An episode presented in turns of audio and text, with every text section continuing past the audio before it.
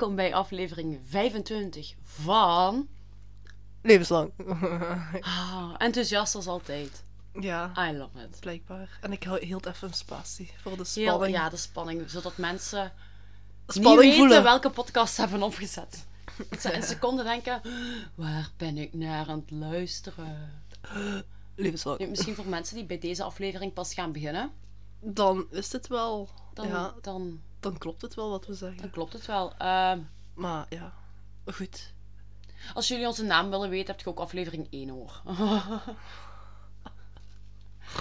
nee, goed, Of voor alle nieuwe ehm, luisteraars misschien. eh, ik ben nog altijd Marie-Sophie. Oh, echt? Ja, En ik ben Carlijn. nog altijd. Nog Wij altijd. zijn niet van identiteit veranderd. Nee.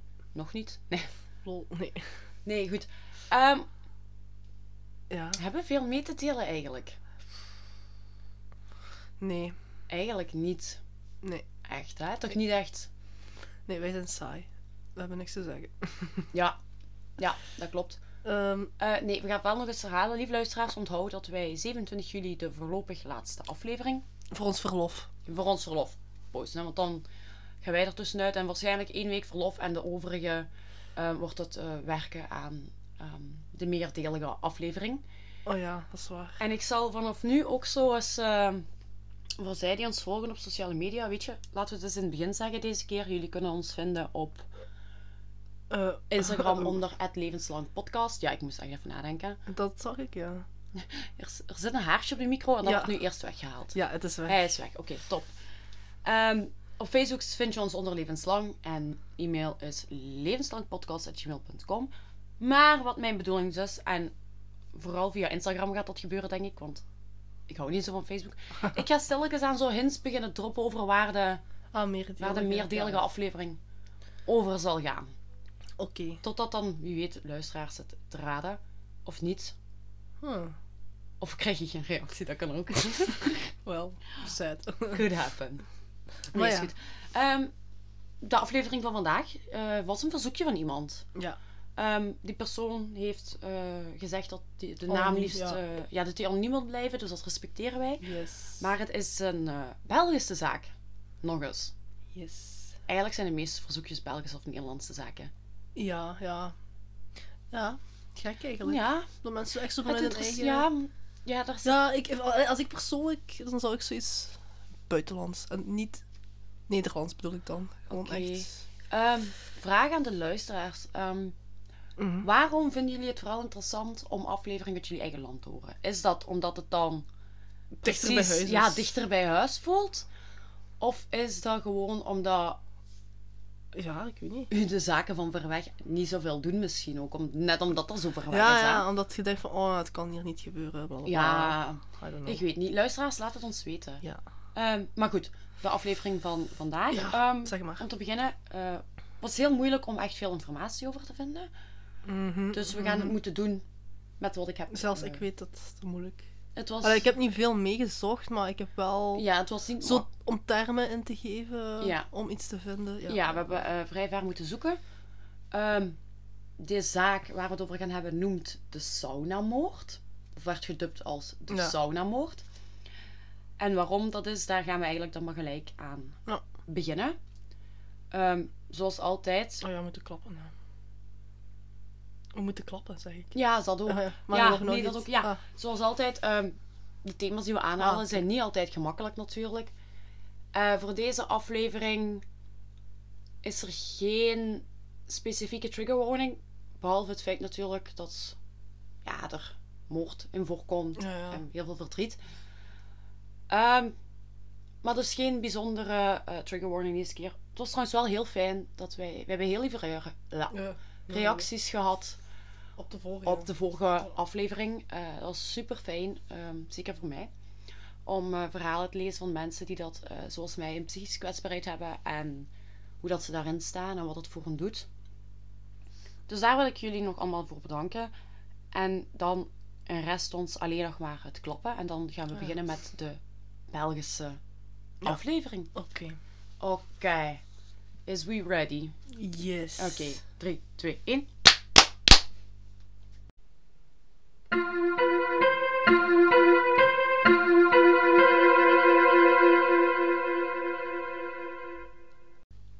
Oké, het verhaal begint op 5 maart 2012. Het is een koude winterochtend op maandag. Mhm. Wanneer dat eh, de 35-jarige Jesse zijn twee kinderen, een zoon en dochter van 6 en 7, naar school brengt vanuit een thuis in Waregem, ligt in Vlaanderen. En dit doet hij terwijl dat zijn vrouw Vanessa haar nog gereed aan het maken is om naar haar werk bij het Belfius kantoor in Kortrijk te gaan. Zij gaat zijn kinderen wegbrengen terwijl zijn vrouw nog bezig is thuis om haar klaar te maken. En Jess is een zelfstandige tuinaannemer. En nadat hij zijn kinderen heeft afgezet, besluit hij eigenlijk om direct door te gaan naar zijn werk hierna. Ja, ja. Handig. Ja. Nu, zoals ik al zei, het is een heel koude winterochtend nog Ja. altijd. En het weer begon eigenlijk te verslechteren. En op den duur begon het meer en meer te sneeuwen. Waardoor het eigenlijk het weer te slecht werd, was geworden om, Buiten te werken. ja, om in in tuinen te werken. En hierop besloot eh Jess om dan eigenlijk naar huis te gaan en om daar dan wat papierwerk te doen. Zodat hij toch wel Iets gedaan. iets gedaan had. Maar dan kon hij dat Op zich ja, wel, gewoon op een dag ertussen doen. En Ja. dan moest hij er niet nog per se een dag voor uittrekken. En hij, hij ging er ook van, vanuit eigenlijk dat hij in een leeg huis ging zijn. Geen kinderen, vrouw op het werk. Rust. Kan, kon hij zich daar rustig mee bezighouden. Nu, hij komt thuis aan. En daar staat hem toch een lichte, vervelende verrassing te wachten. Hij gaat naar binnen en op het moment dat Jess de woonkamer van hun woning binnenloopt, komt Vanessa de Mhm. trap afgelopen. Dus die is helemaal niet weg. Nee. En sterker nog, Vanessa was mooi opgemaakt en droeg totaal andere kledij dan dat ze normaal naar haar werk droeg. Dus, conclusie. Ten eerste, Vanessa die, eh, was helemaal niet naar haar werk gegaan. Die, eh, Had andere die plannen. had andere plannen. Verder droeg ze in haar handen nog pantoffels, een kamerjas en een handdoek. En het zag er allemaal naar uit alsof ze klaar was om naar de sauna te gaan. Met iemand.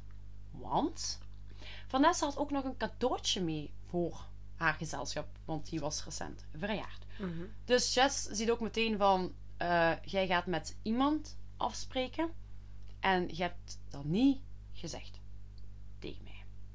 En Jess zegt ook, ik weet evengoed dat dat hier dus niet over mij kan gaan. Vanessa die stond dus wel degelijk op het punt om met haar minnaar na- naar de sauna te gaan. En die minnaar kon elk moment aanbellen op het moment dat Jess terug Mhm. thuis was. Nu, Jess die zag dat alles en hij kon naar eigen zeggen zo de puzzelstukjes ineenleggen en, om het in zijn eigen woorden te zeggen, wist hij genoeg. Het was zo dat zijn vrouw, voor wie dat hij alles over had, alles gedaan zou hebben, zo hard lief had, eigenlijk gewoon een affaire had met iemand. En deze affaire was niet de eerste affaire van de vrouw Mhm. gedurende tienjarige huw tienjarig huwelijk tussen Want, Jess ja. en Vanessa. Nu, die vorige ehm, misstap die Vanessa begaan heeft, die had Jess haar vergeven. Mhm. Maar nu bleek dus dat ze terug Opnieuw, ja. opnieuw bezig was. En het feit dat dat dus nog eens gebeurde en dat Chad dat zag, dat was bij hem, om het zo te zeggen, zoals hij zegt, sloegen zijn stoppen op dat moment compleet Mhm. door. Logisch. Jess die wordt gigantisch kwaad en die weet uit het huis, ik vermoed de keuken, een hakmes te bemachtigen. En hij slaat Vanessa meerdere keren met de bottenkant van het mes. Vanessa die valt op de grond, bloedend. Mhm. En hierna probeert Jess haar nog te wurgen met een broeksriem.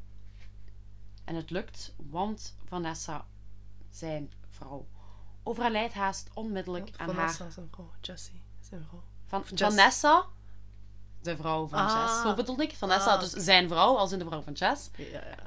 Die zijn sterft daar dus haast onmiddellijk aan haar verwondingen. Dus nog in hun eigen ja. huis. Dus Vanessa is dood en Jess die beseft op dat moment, komt hij terug Mhm. bij zin om het zo te zeggen, en beseft hij dat hij iets vreselijks gedaan heeft. En die slaat in paniek. En nu, Jess die belt hierop zelf naar de politie om te zeggen wat gebeurd is. En daarna belt hij naar zijn familie, die twee straten verder in Waregem woonde. Hij kreeg zijn mama dan aan de lijn en hij vertelde haar dat er iets was gebeurd en dat ze zo snel mogelijk naar hem moest gaan. Naar het huis waar hij Vanessa woonde, ja, woonde. ja. Nu, naast de mama ging ook nog een neef van Jess mee, de 27-jarige Mathieu. En binnen enkele minuten stonden die twee dan ook al wel bij. Jess.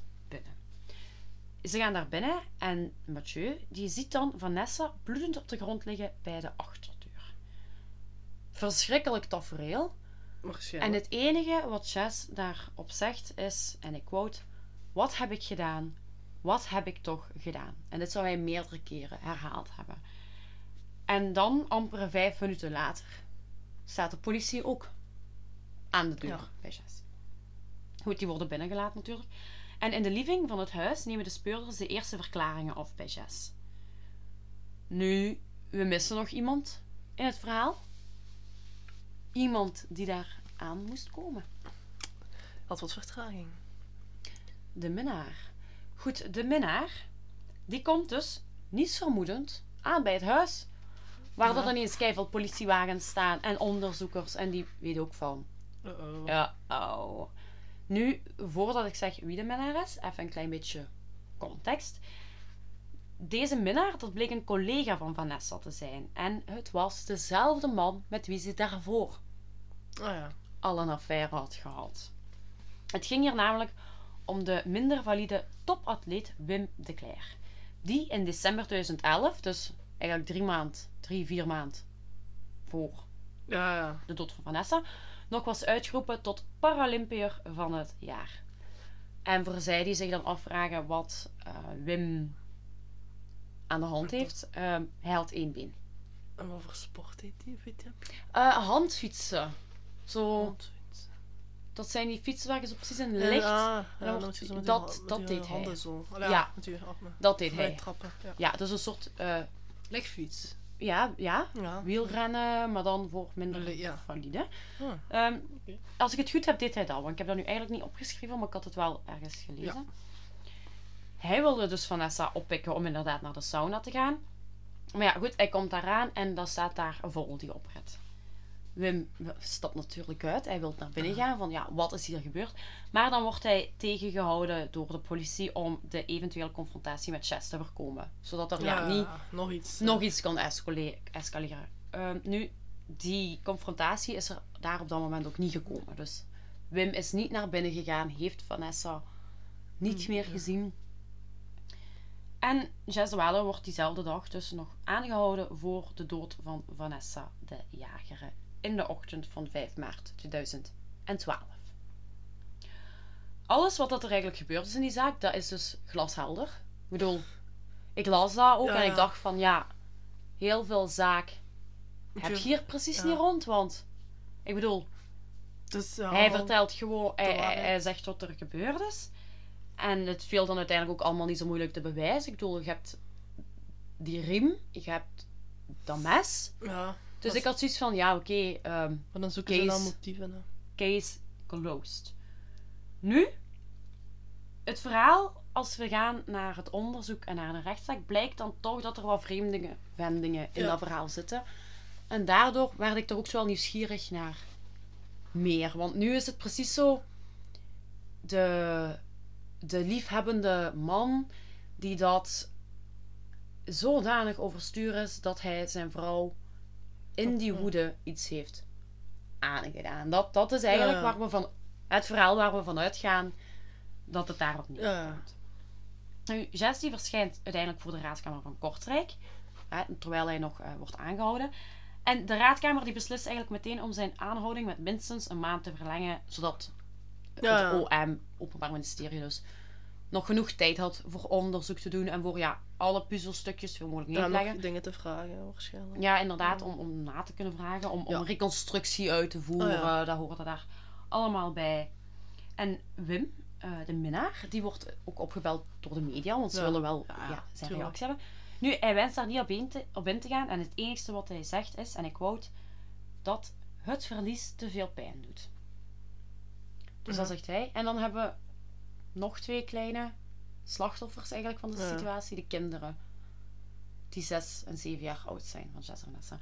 Nu, daarover wordt dan ook gezegd dat de beide kinderen werden opgevangen door de zus van Jess. Mhm. Dus ja, moet ik het zeggen, ergens vond ik dat wel raar dat hij dan bij een familielid van, van de dader verbleven. Ja, die Maar goed, heeft zelf Die, niks ja, gedaan. nee, die worden daar opgevangen. Maakt niet uit. er werd dan ook wel gezegd dat de kinderen wel wisten dat mama er niet meer was. Maar dat ze allebei nog wel wat te jong waren om echt dan te beseffen wat En de details, ja, ja. Die zullen dat niet echt begrijpen. Nee, en, en ergens misschien beter ook zo, denk ik soms. Ja. Dat ze het nog niet Kinderen... beseffen. eh, Nu, later al- als die ouder worden, gaan die zich dat wel beseffen, hè? Tuurlijk. Ik denk dat die nu al veel hulp moeten gaan krijgen. Gewoon omdat het allemaal zo plots is. Want beide ouders zijn weg. Ja, en, Hoe gaat je dan... En, inderdaad. dat en is- dan gaan die ouder worden en dat later beseffen. En, ja. Wat ze wel met de kinderen wouden, was eigenlijk hun zo snel mogelijk of in hun routine Ja. Weer, weer te krijgen. Dus eigenlijk zijn beide kinderen ook relatief snel nadat dat gebeurd is weer naar school gegaan. Die hun leven wouden ze Zo zoveel mogelijk normaal. laten, ja, zo Ja, normaal mogelijk als het kan ja, laten, ja. laten doorgaan. Gewoon. En de rest van de familie van Jess, die zochten steun bij elkaar. En die konden het eigenlijk niet geloven. Die konden niet geloven wat er was gebeurd, want ze zeggen dan dat het echt niks voor Jess was. Want hij was zo zachtaardig en hij was door iedereen geliefd. Die mensen die waren in shock. Ja, Die hadden zoiets van, hoezo kan onze Jess dit doen? Dat, dat, dit heeft hij nooit bij zinnen gedaan. Dit moet meer een ongeluk zijn. Dat was het... Eh, Nou ja. Meer het, het- Ze wilden eigenlijk Ja. dat het al was, maar het was het inderdaad. Ze wisten Omdat ze het gewoon genoeg. echt niet konden... Ze konden het oprecht niet geloven. En zelfs de papa van Vanessa, van slachtoffer, Mhm. Etienne genaamd... Die zit op dat moment ook met heel veel vragen natuurlijk. Want hij wordt in het begin, heeft hij verteld, nauwelijks op de hoogte gehouden Ja, ja. van wat er gebeurt in het onderzoek. Hoe of wat er precies is gebeurd, hij weet aan het begin niet en hij zit met heel veel vragen. Maar hij neemt het ook ergens wel op voor Jess, want hij zegt dan over zowel zijn dochter als Ja. over zijn schoonzoon, dat het twee heel vriendelijke mensen waren, die dat beide hard werkten voor wat ze wouden. En waarvan hij überhaupt nooit had geweten dat er huwelijksproblemen waren. Die papa van Vanessa wist niks af ja. van de affaire die zijn dochter Ja. dus had. Eigenlijk wisten we gewoon niks Ja, van wat er tussen nee. die twee speelde. Maar zo te horen waren beide dus erg geliefd, geliefd en wisten de meeste mensen Ja. ook helemaal niet wat er dus achter gesloten deuren gaande was. Dat leek het perfecte, gelukkige koppel, mooie kinderen, goede jobs. Niemand zag Mhm. Verdacht. dat aankomen. Ja, maar daarom verdacht. gebeurt het ook achter gesloten ja, deuren. tuurlijk. En iedereen was het er ook mee eens. Dit was niet het soort gedrag dat men aan Jess zou kunnen linken. Sterker nog, er waren er die het gewoon niet wouden of konden geloven. Ah, die wouden er dan niks van af weten. Nee, dus zo, zo hard werd Jess eigenlijk geliefd. Dat men Ja. het zich... Het was niks, niks voor hem, niks aan dat beeld. Wees naar hem toe. En het lijkt ook bijna hier alsof... Ja, toch vooral Vanessa degene is. Ja, zij ging wel vreemd. En dat was de reden. Dat was dan volgens hem de reden Ja, dat zij... Dat hij dat gedaan heeft. Hè? Dat was Dat kan eigenlijk basically zegt je van dat komt door haar gedrag. Indirect. Wordt dan misschien wel. Ja, ja. heel voorzichtig. Veel details kwamen terwijl dat, dat onderzoek gevoerd werd eigenlijk niet naar buiten. Eh, ik heb ook niet per se heel veel over de reconstructie kunnen vinden.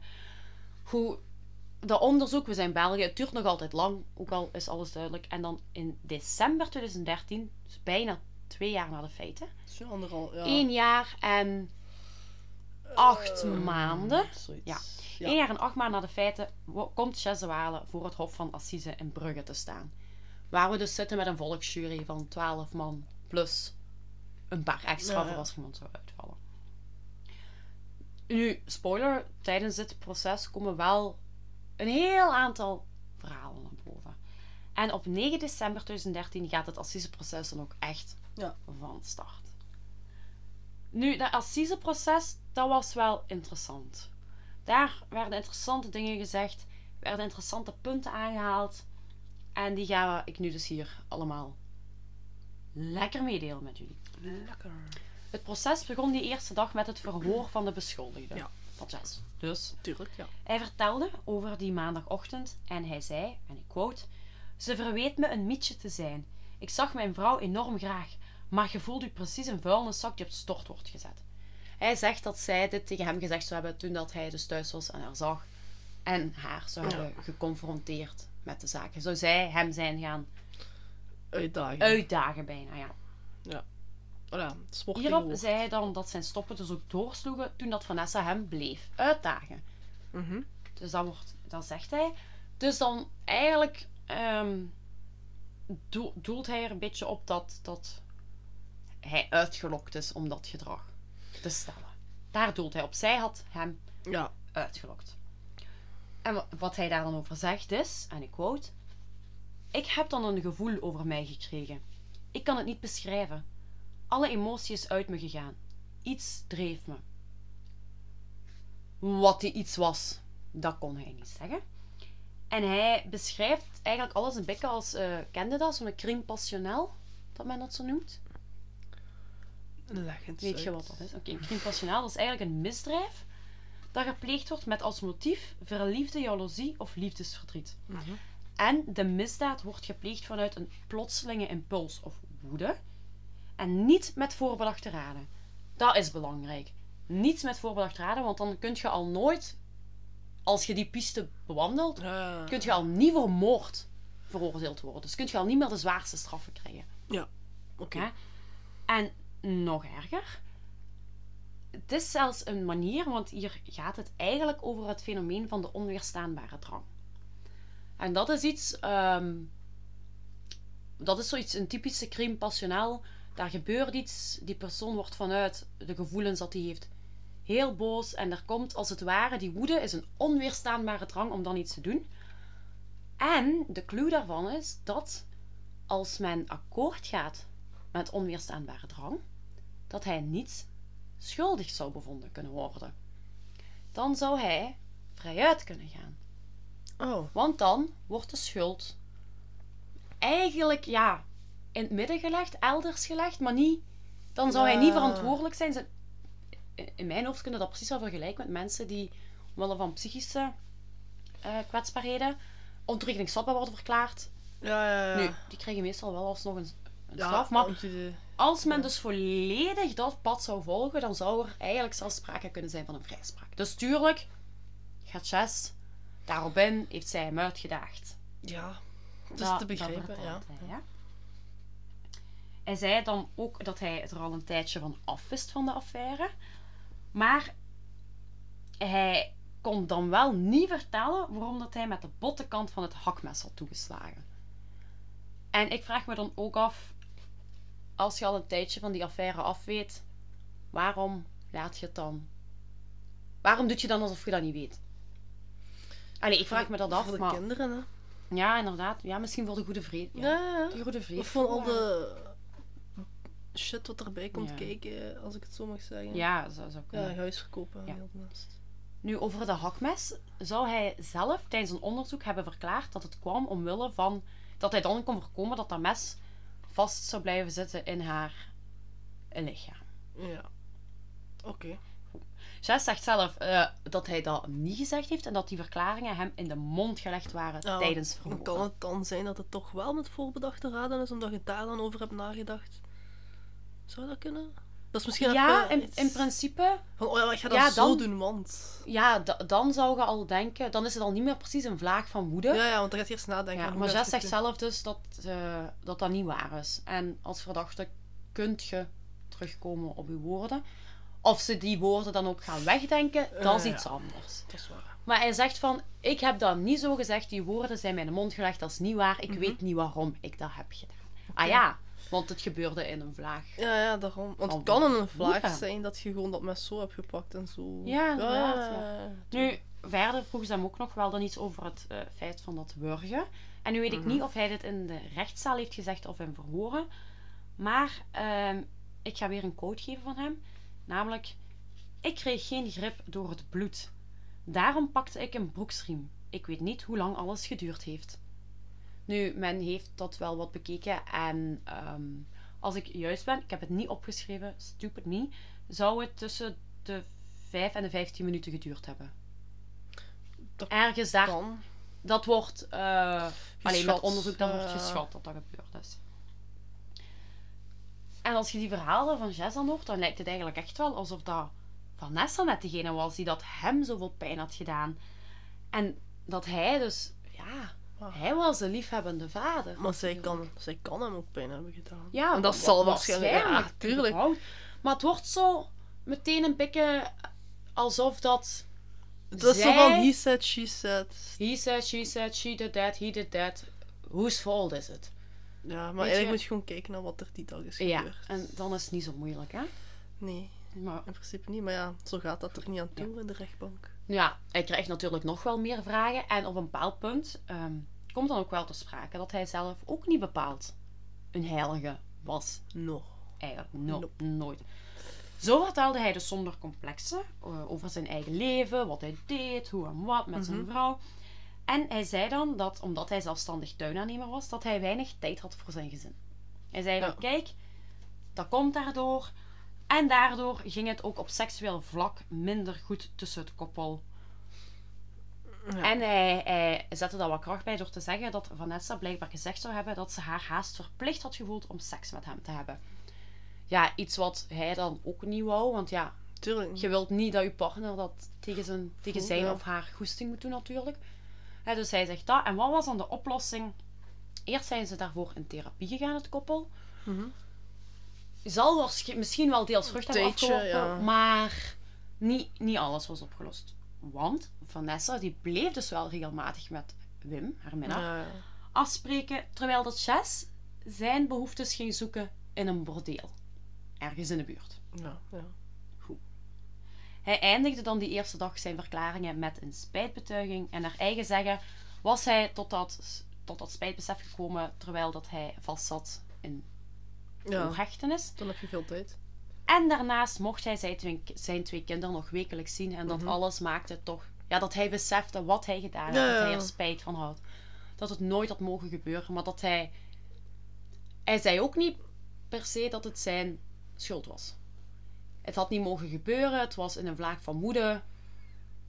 Maar hij zegt nergens letterlijk van... Mm, Ik heb dit of dat, zus of zo. Nee, het is met... Ik wist niet meer wat ik deed, ik weet niet waarom. Dus Ja, dat- in hoeverre wordt een Ja. spijtbetuiging dan net...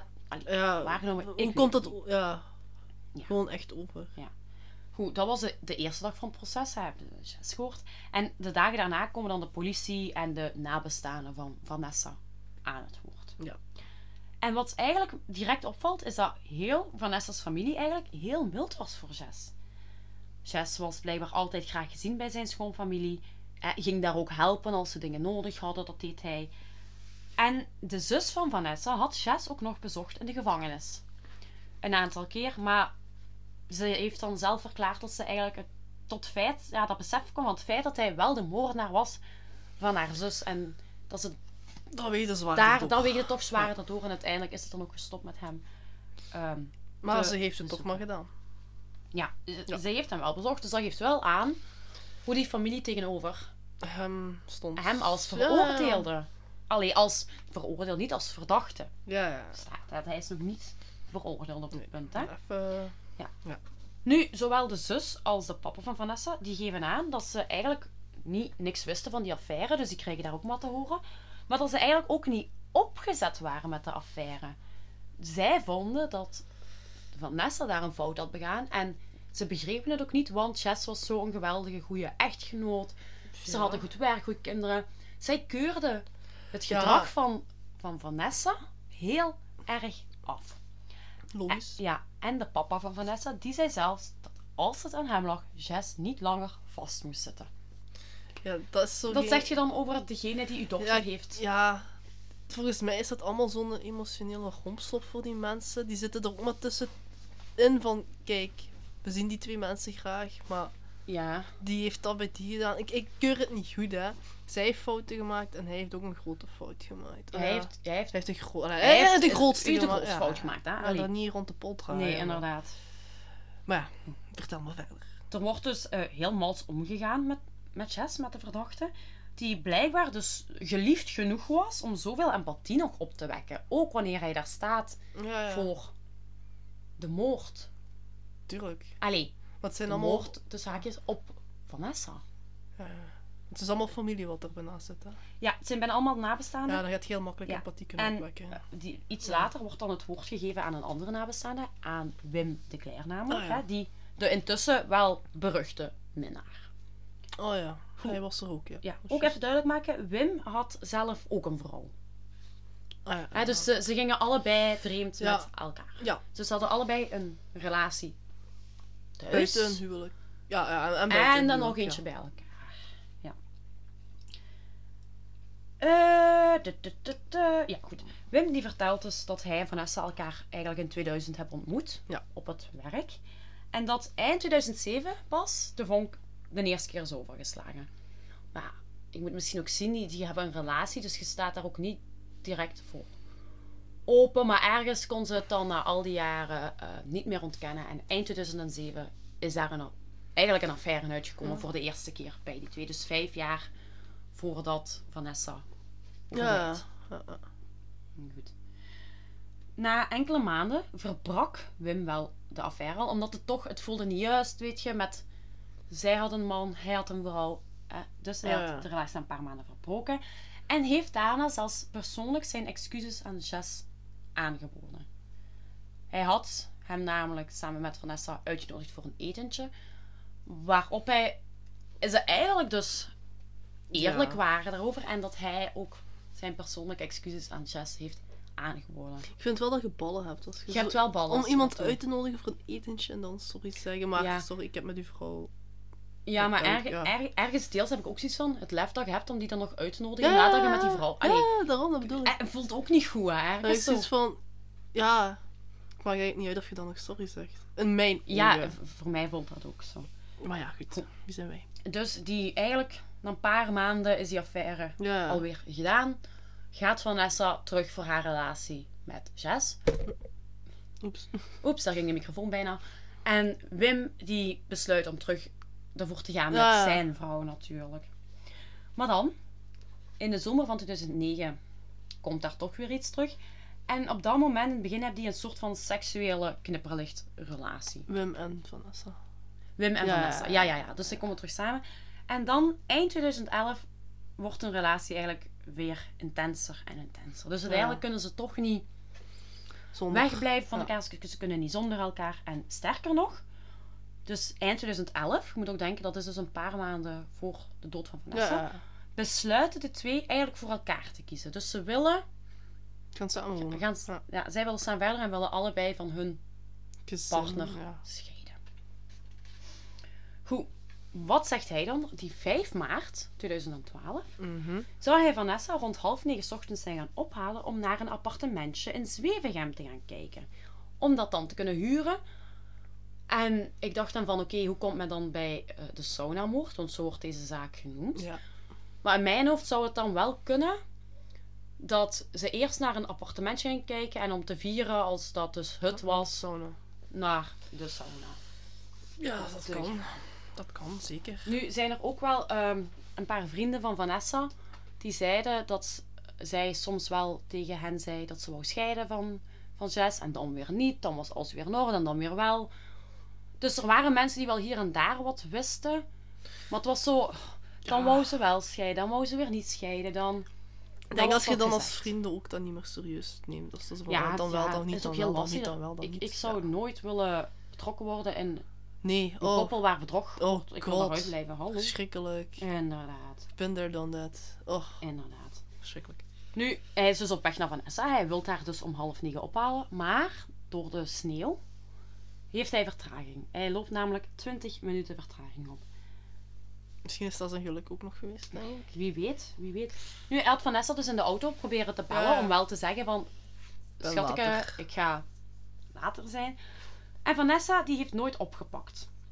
En hij zei dat hij dat wel heel vreemd vond. Maar ja, goed. Uiteindelijk komt hij bij dat huis aan en we weten hoe dat Ja, ja, dat De rest. zag. Ja, ja. is verlopen. Later komen ook nog een psychiater en een psycholoog aan het woord die dat Jess onderzocht hebben. Mhm.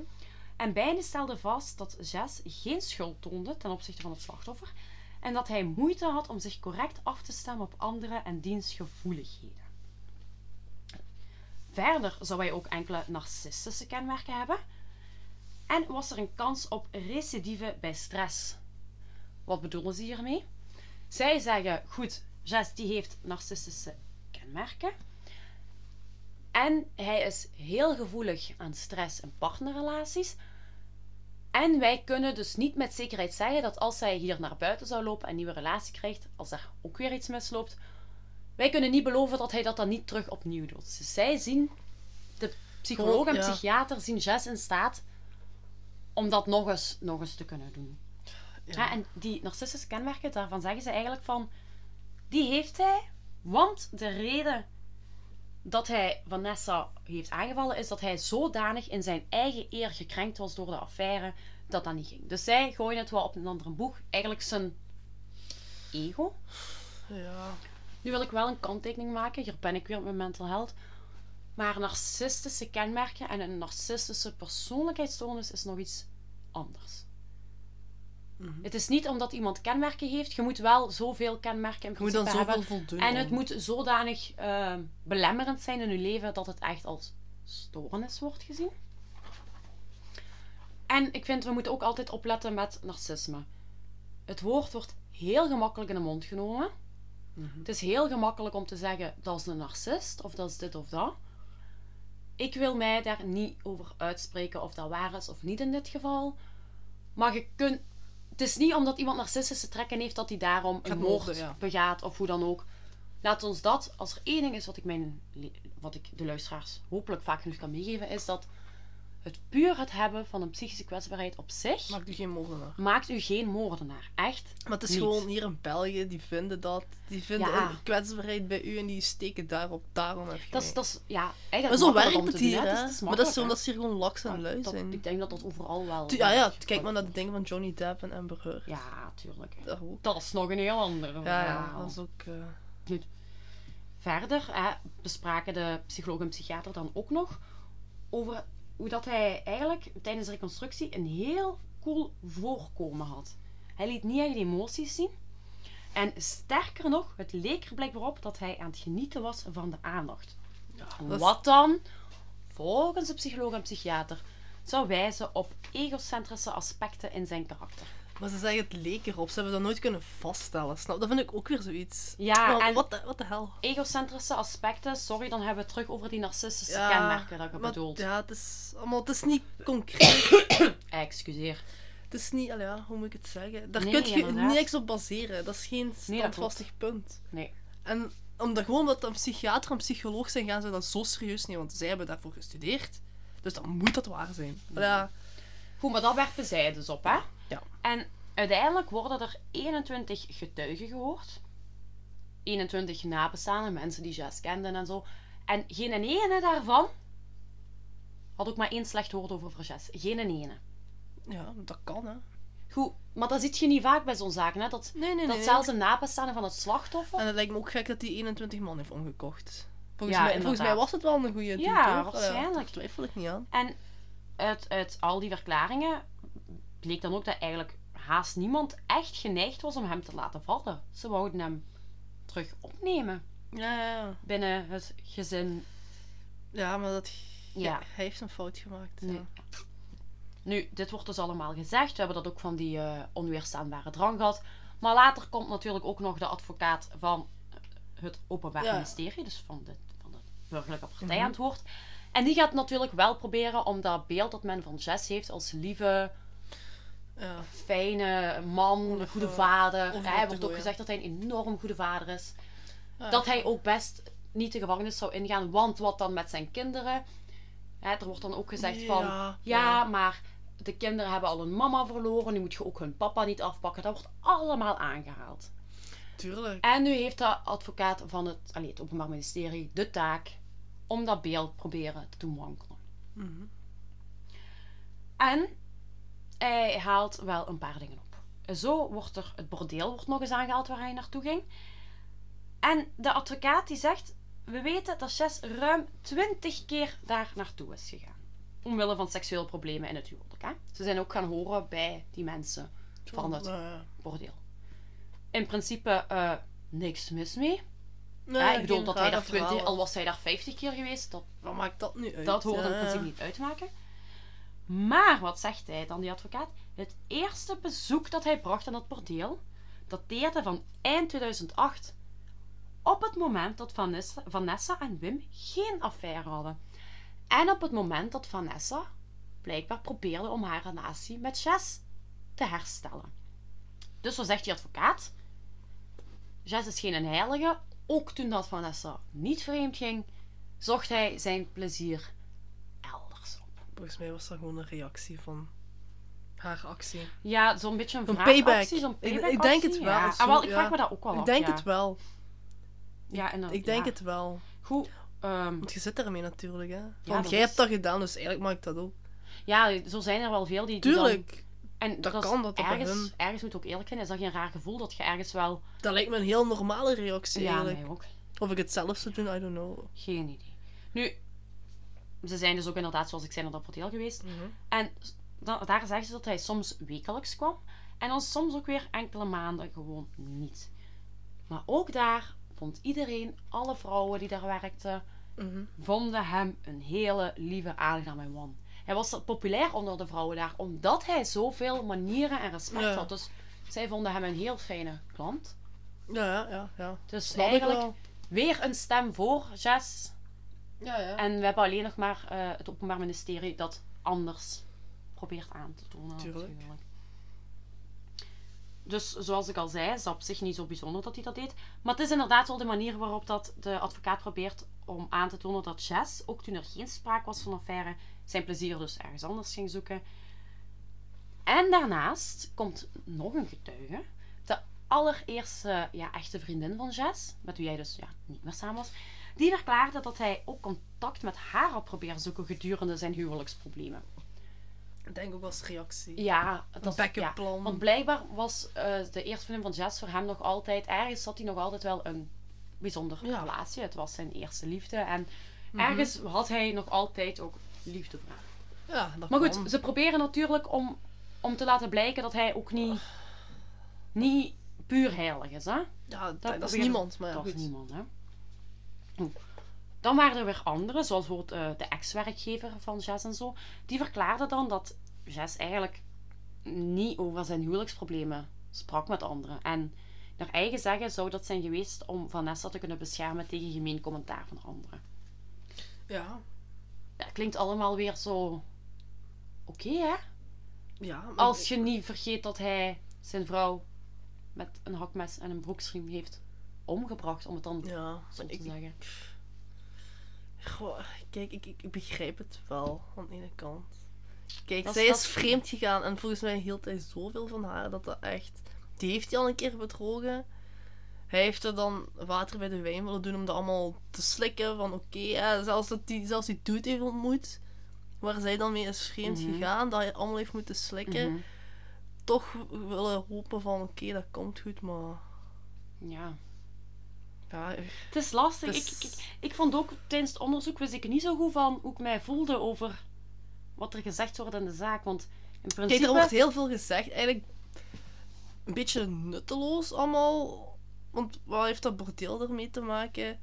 Ja, ik bedoel, het, is, het feit is gewoon, hij heeft haar vermoord. ja. Punt. Hij kan dan wel een goede kerel zijn, I, I get it. Ik bedoel, maar ja, het is Ja. gewoon een fly. Hij heeft haar... Ja, hij Daar moeten ze eigenlijk wel een, een grote fout Ja, ja, natuurlijk. Hè? Maar wat zie je dus op dat proces? Je hebt enerzijds zij die dus in Jess geloven. Mhm. En dan heb je dus het Openbaar Ministerie dat eh, zijn schuld wel duidelijk wil kunnen brengen. Van hallo, hij heeft wel uiteindelijk Mhm. zijn vrouw ja, vermoord. Snap ik, snap ik. Maar, omdat er dus ook zoveel mensen voor waren, hoort men ook heel veel positieve verhalen. En je weet, met de volksjury, die worden beïnvloed daardoor. Ja, ja, ja. en de advocaat van het Openbaar Ministerie, die heeft zich dan naar de jury gewend. En die heeft gezegd dat er vermeden moest worden dat men recht zou spreken vanuit het buikgevoel. Als in, kijk naar de feiten van 5 maart 2012 en niet naar alle lieve verhalen over hem. Kijk puur naar wat hij heeft gedaan. Mhm. En zo had die advocaat ook een, eh, een, een coach gezegd. En ik vond die wel, ehm, ja, wel ja, iets hebben, klinkt raar, maar ik ga hem gewoon voorlezen. Het, het maakt vrij duidelijk, De nagel op de kop. ja, het slaat de nagel op de kop hoe dit proces precies in Ja. zit. Ja, ja ik Goed. snap het. Ik ga het. Dus ik quote. Maar recht is geen vergeving. Het is geen Sinterklaas. Het is geen popularity poll. Waarbij hij dus op doelt van... Het is niet omdat hij zoveel mensen heeft die aan zijn zijde staan. Ja, dat alles dat, is. dat dat uitweegt... Dat dat de moord uitweegt. ja, ja, dat, dat, dat, dat- het gewoon wordt kwijtgespeeld eigenlijk. Ja. Dus de advocaat die zegt dat. En daarmee probeert hij dus nogmaals tegelijk het aandeel van Jess voor de huwelijksproblemen te belichten. Met dus het feit dat hij dus naar een bordeel ging, terwijl dat Vanessa de relatie probeerde redden. Daar gaat, daar gaat het Openbaar Ministerie vooral op in. Ja, ja, ja, op, op dat feit dat hij naar dat bordeel was gegaan. Dat is ja, een heel maar het is ook zo'n ding van, nu zitten ze zo bordelen zo'n gans slecht daglicht te stellen, vind ik. Ja, precies zo. Oh, ja, die gaat naar een bordeel. Ja, zeker dat dat een moordenaar is. Zo, snap Ja, je? ja. Snap je? Terwijl een bordeel is gewoon eigenlijk... Wat de hel, wat is dat ermee Ja. te maken? Nou ja, dat is, bedoel, dat is ook hetgene Stel, waar stel, zij je, niet stel je voor dat ik iemand vermoord en ik ga bijvoorbeeld wekelijks naar mijn repetitie. Want die gaat naar repetities, dat is een slecht mens. Natuurlijk dat die iemand vermoordt. Ja, snap je? Ja, Dat ja. doesn't make Je sense. moet, je, moet, je moet het zien in het kader natuurlijk van... Ja, ja, ze van- doen allemaal hun, hun job, hè. Tuurlijk, En tuurlijk, dat als snap dat ik ook. Een van de enigste strohalmen die je Ja, hebt om, om, hem om toch het goede beeld van hem onderuit te halen, dan begrijp ik wel dat zij dat gaan gebruiken. alles daar ja, gaan ja, tuurlijk, tuurlijk. Verder haalt die advocaat ook nog die, hè, die piste van onweerstaanbare drang aan, die de verdediging dus waarschijnlijk ook nog ging oproepen. Mhm. Hè, die moesten daarna nog komen. En die advocaat van het Openbaar Ministerie die zegt dat dat uit een boos is. Hij zegt va- van Jess heeft zijn vrouw afgeslacht. En dat kun je niet goed praten onder onweerstaanbare drang. Wederom, dat daar een mogelijk, mogelijk vrijspraak zou kunnen Ja, uitkomen. Hè? Want dan zou de schuld niet bij hem liggen. Hè? Allee, ja, heel gek heel eigenlijk. vreemd. Maar vanuit, eigenlijk in principe, als ze ja zeggen op onweerstaanbare drang, drang heb je geen schuld. Daar komt het op neer. Het Je is hebt gewoon dat geen hij dat in een vlaag heeft gedaan. Ja, van- dan heb je eigenlijk... Zijt jij niet schuldig... Niet... la- Ja, Ja, eigenlijk ja. wel... Ja, oh, wat een gedoe. De, de, de wet hier... Ja. Recht is heel moeilijk. Ja. Maar hij zegt dus nog eens tegen de jury van... Hij heeft zijn vrouw afgeslacht. Daar is niks. Niks kan als excuus dienen om dat nu goed te praten. Verder haalt eh, de advocaat dan ook nog aan dat er helemaal geen sprake was van uitlokking. Waarvan Jess dan zei dat, zij, dat Vanessa hem een mietje had Ja, genoemd. Dat hij zich hè, een vuilniszak voelde die op de stort zou worden Tuurlijk. gezet. En de advocaat zegt nee, dat is geen uitlokking. Want naast onweerstaanbare drang kan het dus ook uitlokking nog zijn. En dan komt je eigenlijk weer in hetzelfde ding dat het dan niet uw schuld. Allee, dat je niet... Dat de schuld niet... bij u. Ja, Niet bij degene die, die, het die het wel gedaan gedaan heeft, heeft. ja. Ja, ja, ja. Goed. Hè. Dus hè, die zei van geen uitlokking. De advocaat zei namelijk letterlijk, en ik quote weer, want ja, ik hou van quotes precies. Mhm. Op dat moment krijgen we een orgie van geweld, een tsunami van macht en kracht en een calvarietocht van zeven, van zeven staties is ze afgemaakt. Is die lijdensweg van 5 à 10 minuten nog in proportie met wat zij gedaan heeft? Waarbij je dus vraagt van, ook al zou ze hem misschien uitgedaagd hebben, Was zij allemaal haar, was ja. dat dan, allee, Weegt dat zwaarder door dan wat zij dan, allemaal dan, heeft gedaan? ja, is dat echt een rechtvaardiging om hem vrij, om, om hem vrij te spreken? Dus hij zegt nee. Ah, zo, ja, ja. Nee. Het is, zij heeft hem uitgelokt, nee. maar zijn reactie is nog altijd te fel Om dat te kunnen goed om praten. na, naargelang wat zij gezegd zou hebben. ja, ja. Dus dat zijn tuurlijk, reactie eigenlijk tuurlijk, buiten proportie was. Tuurlijk. De advocaat beschreef daarbij ook de feiten. En die ga ik heel kort toelichten. Ehm, Vanessa die zou een aantal vuistslagen hebben gekregen en klappen met het hakmes. Maar zij zou op dit punt nog deels naar buiten zijn kunnen vluchten via de achterdeur. Ja, want Maar hierop heeft Jess haar weer naar binnen getrokken en dan uiteindelijk gedood met de broeksriem. Ja, ja. Dat zegt hij, dat zijn de feiten. Ook zoals het dan waarschijnlijk uit de reconstructie voorkwam. En eh, ik heb nog een quote om aan te tonen hoe dat, ehm, hoe erg Vanessa eraan toe was. hij zegt namelijk, bloedspatten van 2 meter ver, een hartscheur van 4 centimeter en 10 ribbreuken. Dat is heftig. Ja, ik... eh, Dat is heftig. En eigenlijk komt het er dus op neer dat dit niet in proportie is met hoe dat elk mm, gemiddeld mens hierop zou reageren. Hè? Dus hij is gewoon compleet zijn dingen te buiten gegaan. Daar komt het op neer volgens het Openbaar Ministerie. en daarnaast had je dus de psychiater en psycholoog, die dus ook nog het aspect van zijn koele houding verder hadden besproken hierna. En dat dat dus allemaal meedeelde in het feit dat hij niet. Allee, dat hij wel schuldig was, want hij houdt zich koel, hij heeft geen berouw. Hij zegt dat wel, maar hij heeft dat niet. Hij heeft buitensporig gereageerd. En zo beginnen ze dus, eigenlijk richting de jury, proberen ze de jury dus ook ja, heel erg te laten kantelen Dat is echt zo... als dat nodig is. Ja, hij zegt het wel, maar hij heeft het niet. Dat is hetzelfde met dat narcisme. Is dat Ja. narcisme? Ja. Inderdaad, het Ja. leek alsof hij cool Ja, was, maar... hij was het niet. Ja, Ja, het kan, het kan hij- zijn. hij- Het hij kan was zijn, maar we cool, weten het niet. Hij zei dat hem spijt had, maar hij had het niet. Dat weet je niet. Dat weet je Dat is niet. hetzelfde met, het, ja, met narcisme wat ik zei. Van, het, het lijkt erop, maar ja. Ja, dat wil inderdaad niks Ja. zeggen. Ah ja. Ja, ja, Het is, het is lastig, het snap je? Het is echt heel moeilijk. Zeker als zoveel mensen zijn kant kiezen. Ook gewoon Ja, want nabestaanden. eigenlijk, eigenlijk vind ik dat een beetje onnodig, maar daar kom ik straks wel op terug. Ja, ah wel. Ja, want we zijn er toch bijna door, denk ik. Ja. Eh, over de eigenlijke schuldvraag was er dus geen twijfel. Aangezien dat Chess eh, verklaard had dat hij alles alleen had gedaan. Het ging hem in dit geval eigenlijk bijna meer om de zwaarte van de straf. Aangezien er zoveel nabestaanden aan zijn kant stonden. En de mama van Vanessa verklaarde later in het proces ook nog eens dat het wel een ongeluk moest zijn, want zo kende ze Jess niet. En daarnaast zei ze ook dat Jess niet in de gevangenis thuis hoorde. Hij zou ook verklaard hebben dat hij het daar niet meer uithield. Niet, ging, ging heel slecht met hem. En dus zowel mama als papa van het slachtoffer willen hem eigenlijk niet in de gevangenis hebben. Tja, daar hebben zij niks. Ja, dat... Ja. Wat zeiden ze wat ze wel wouden? Ze wouden hem gewoon liefst thuis hebben als liefhebbende vader van de twee kinderen. Want ze waren al een mama kwijt, zoals ik al zei. Ja. En dan ook nog een papa. Dat, wou, dat wouden de nabestaanden van Vanessa gewoon niet. Nu, ze, ze zeggen dus inderdaad omwille van het belang van de kinderen. Maar het was op, eigenlijk wel heel lastig om het belang van de kinderen juist te kunnen inschatten. En een van de advocaten zei, en ik quote, dat er geen twijfel bestaat over de schuld en dat er geen sprake was van uitlokking of onweerstaanbare drang. Oké. Hè, dus dat, Ja. dat, dat zeggen dus die van het Openbaar Ministerie van kijk, hij heeft gewoon schuld, eh, je kunt er niks voor inroepen, maar ehm, wij willen voor hem een zeer hoge straf.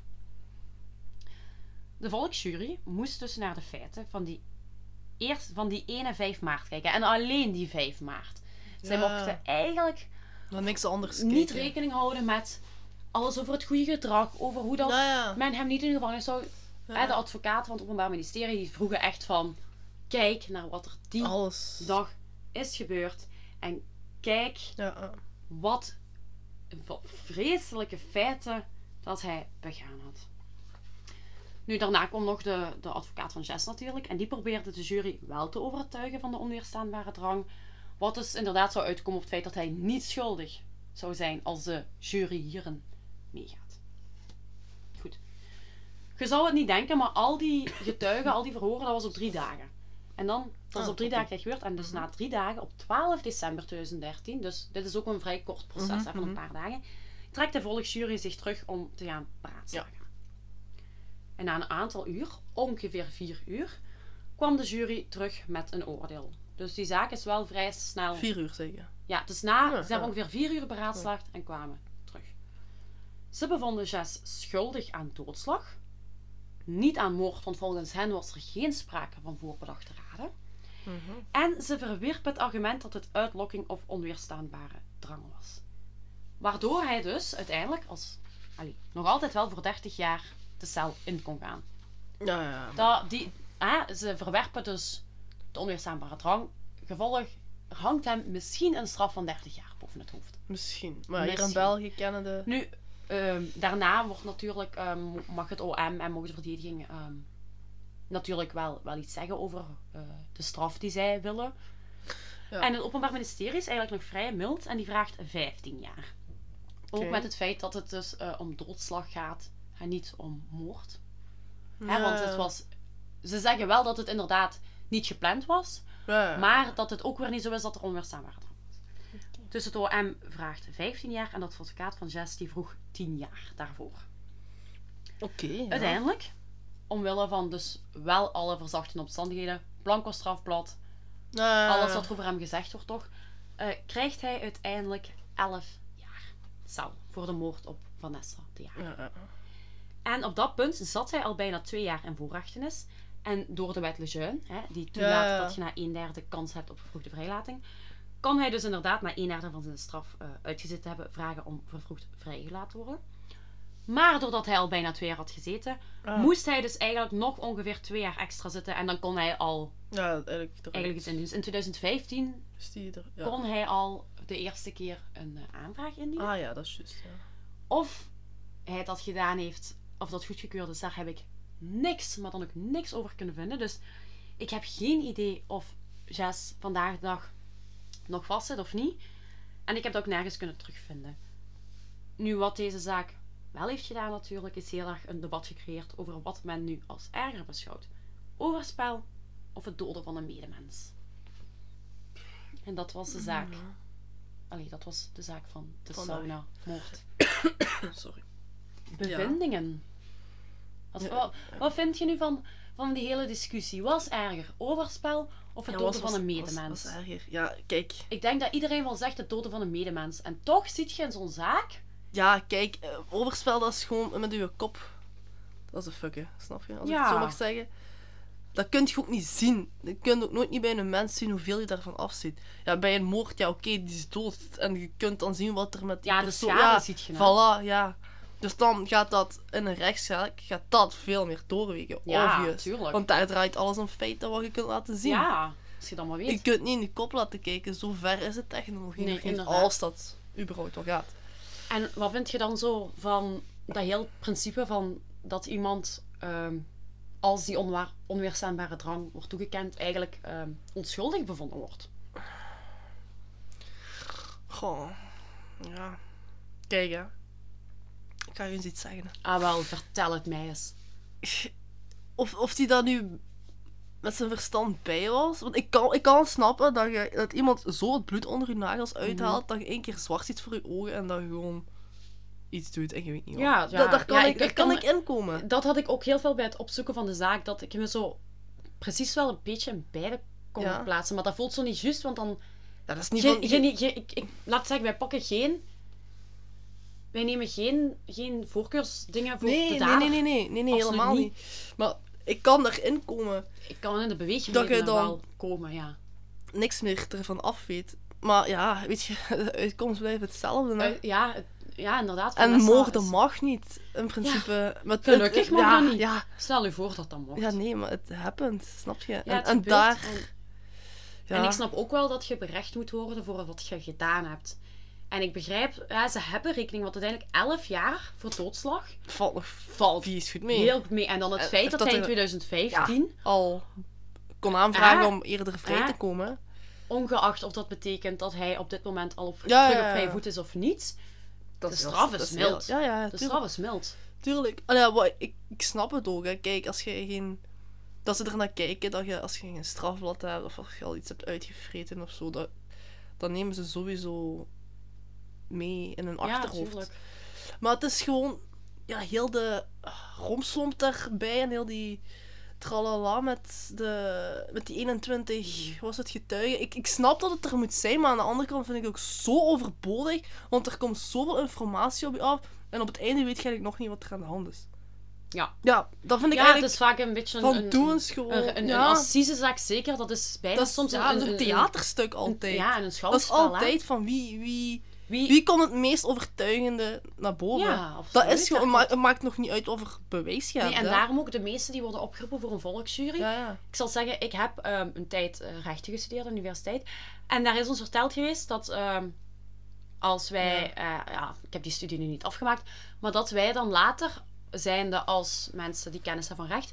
eh, nooit gevraagd zouden worden voor in de volksjury te zitten. Omdat je dan te veel weet. te veel afweet van de processen en zo. Dus ze kiezen ook mensen Waar ze echt op een gevoel kunnen spelen. die in- inderdaad niet op die juridische manier Iets ervan. Daar ging de microfoon weer bijna. Die inderdaad... ehm, ik kan me voorstellen als je daar... Ja. Stel, er zit in die, in die jury een advocaat. Ja, die kan ook wel zien wat Tuurlijk. wel en niet mag. Die en weet als je dan moet gaan beraadslagen, dan gaat hij ook er even de leiding eh achter Dan kan die schermen. ook zeggen, maar Tuurlijk. daarom en daarom. Dus eh, dat doen ze inderdaad niet. Nee. Maar eh, in dit geval heeft de volksjury dus gekozen. Ja, Ja, ja ik, ik sta er wel achter. Je mocht het niet doen. zeker. Ik, ik, Nu, ik vind ook wel dat het ehm, gerechtvaardigd is Maar- over de, de zwaarte van de straf. Ik- Het had zwaarder mogen, Mogen. zijn. Kunnen. Maar tegelijk, justitie heeft dat oordeel geveld. ja, we en wij hoeven dat niet nee, meer Nee, nee, te nee, doen. tuurlijk niet. Nee, en ik... Ja, en snap ik de reactie van die kerel? Ergens wel. Ik, ik, Kijk, hè, ik- als ik jij- kan mij in de woede, ik kan mij in de woede, woede, zeker Ja. Iemand, kijk, stel je voor, jij bedriegt mij. En je komt met degene die... Dat is ja, voor alle duidelijkheid niet waar, hè, dat is niet waar. luisteraars. Kijk, dus jij bedriegt mij en eh, met een persoon en je komt dan met die persoon naar mij, naar mij toe van kijk, we hebben dit, en dat gedaan voor die lange tijd. Maar we zijn er nu mee gestopt, dus ja, sorry. En ja, doe denk je dat ik dat slik? Ik, ik, Ja, ik- nee, ik, ik wil het proberen voor echt een goede vrede te bewaren en een betere, Maar, ja. een bigger person te zijn. Maar na een tijd dat komt, de achtervolgt Dat vol- u. dat En als het dan weer is stoppen draaien, gewoon los eraf. Ja. Ik merk dat je kunt je echt inleven in deze Ja, maar, zaak. maar het is ook... Ja, Ja, maar het is, het is zo.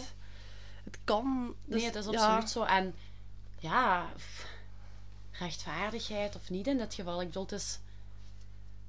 Een ik vind het Een heel een apart- aparte zaak. Het is een heel apart, gewoon dat er... Je ziet zelden dat Ja. nabestaanden van slachtoffers de kant van de dader kiezen. Je ziet dat... Allee, Ja, niet kiezen als ja. in, het is goed dat... dat Dat hij dat gedaan Dat- heeft, maar maar het ze, is zonder ze willen hem ook wel uit de gevangenis houden. Natuurlijk, ik, ik snap het wel. Want die hebben met die kinderen en zo, maar ja... Hoe gedraaid of keert.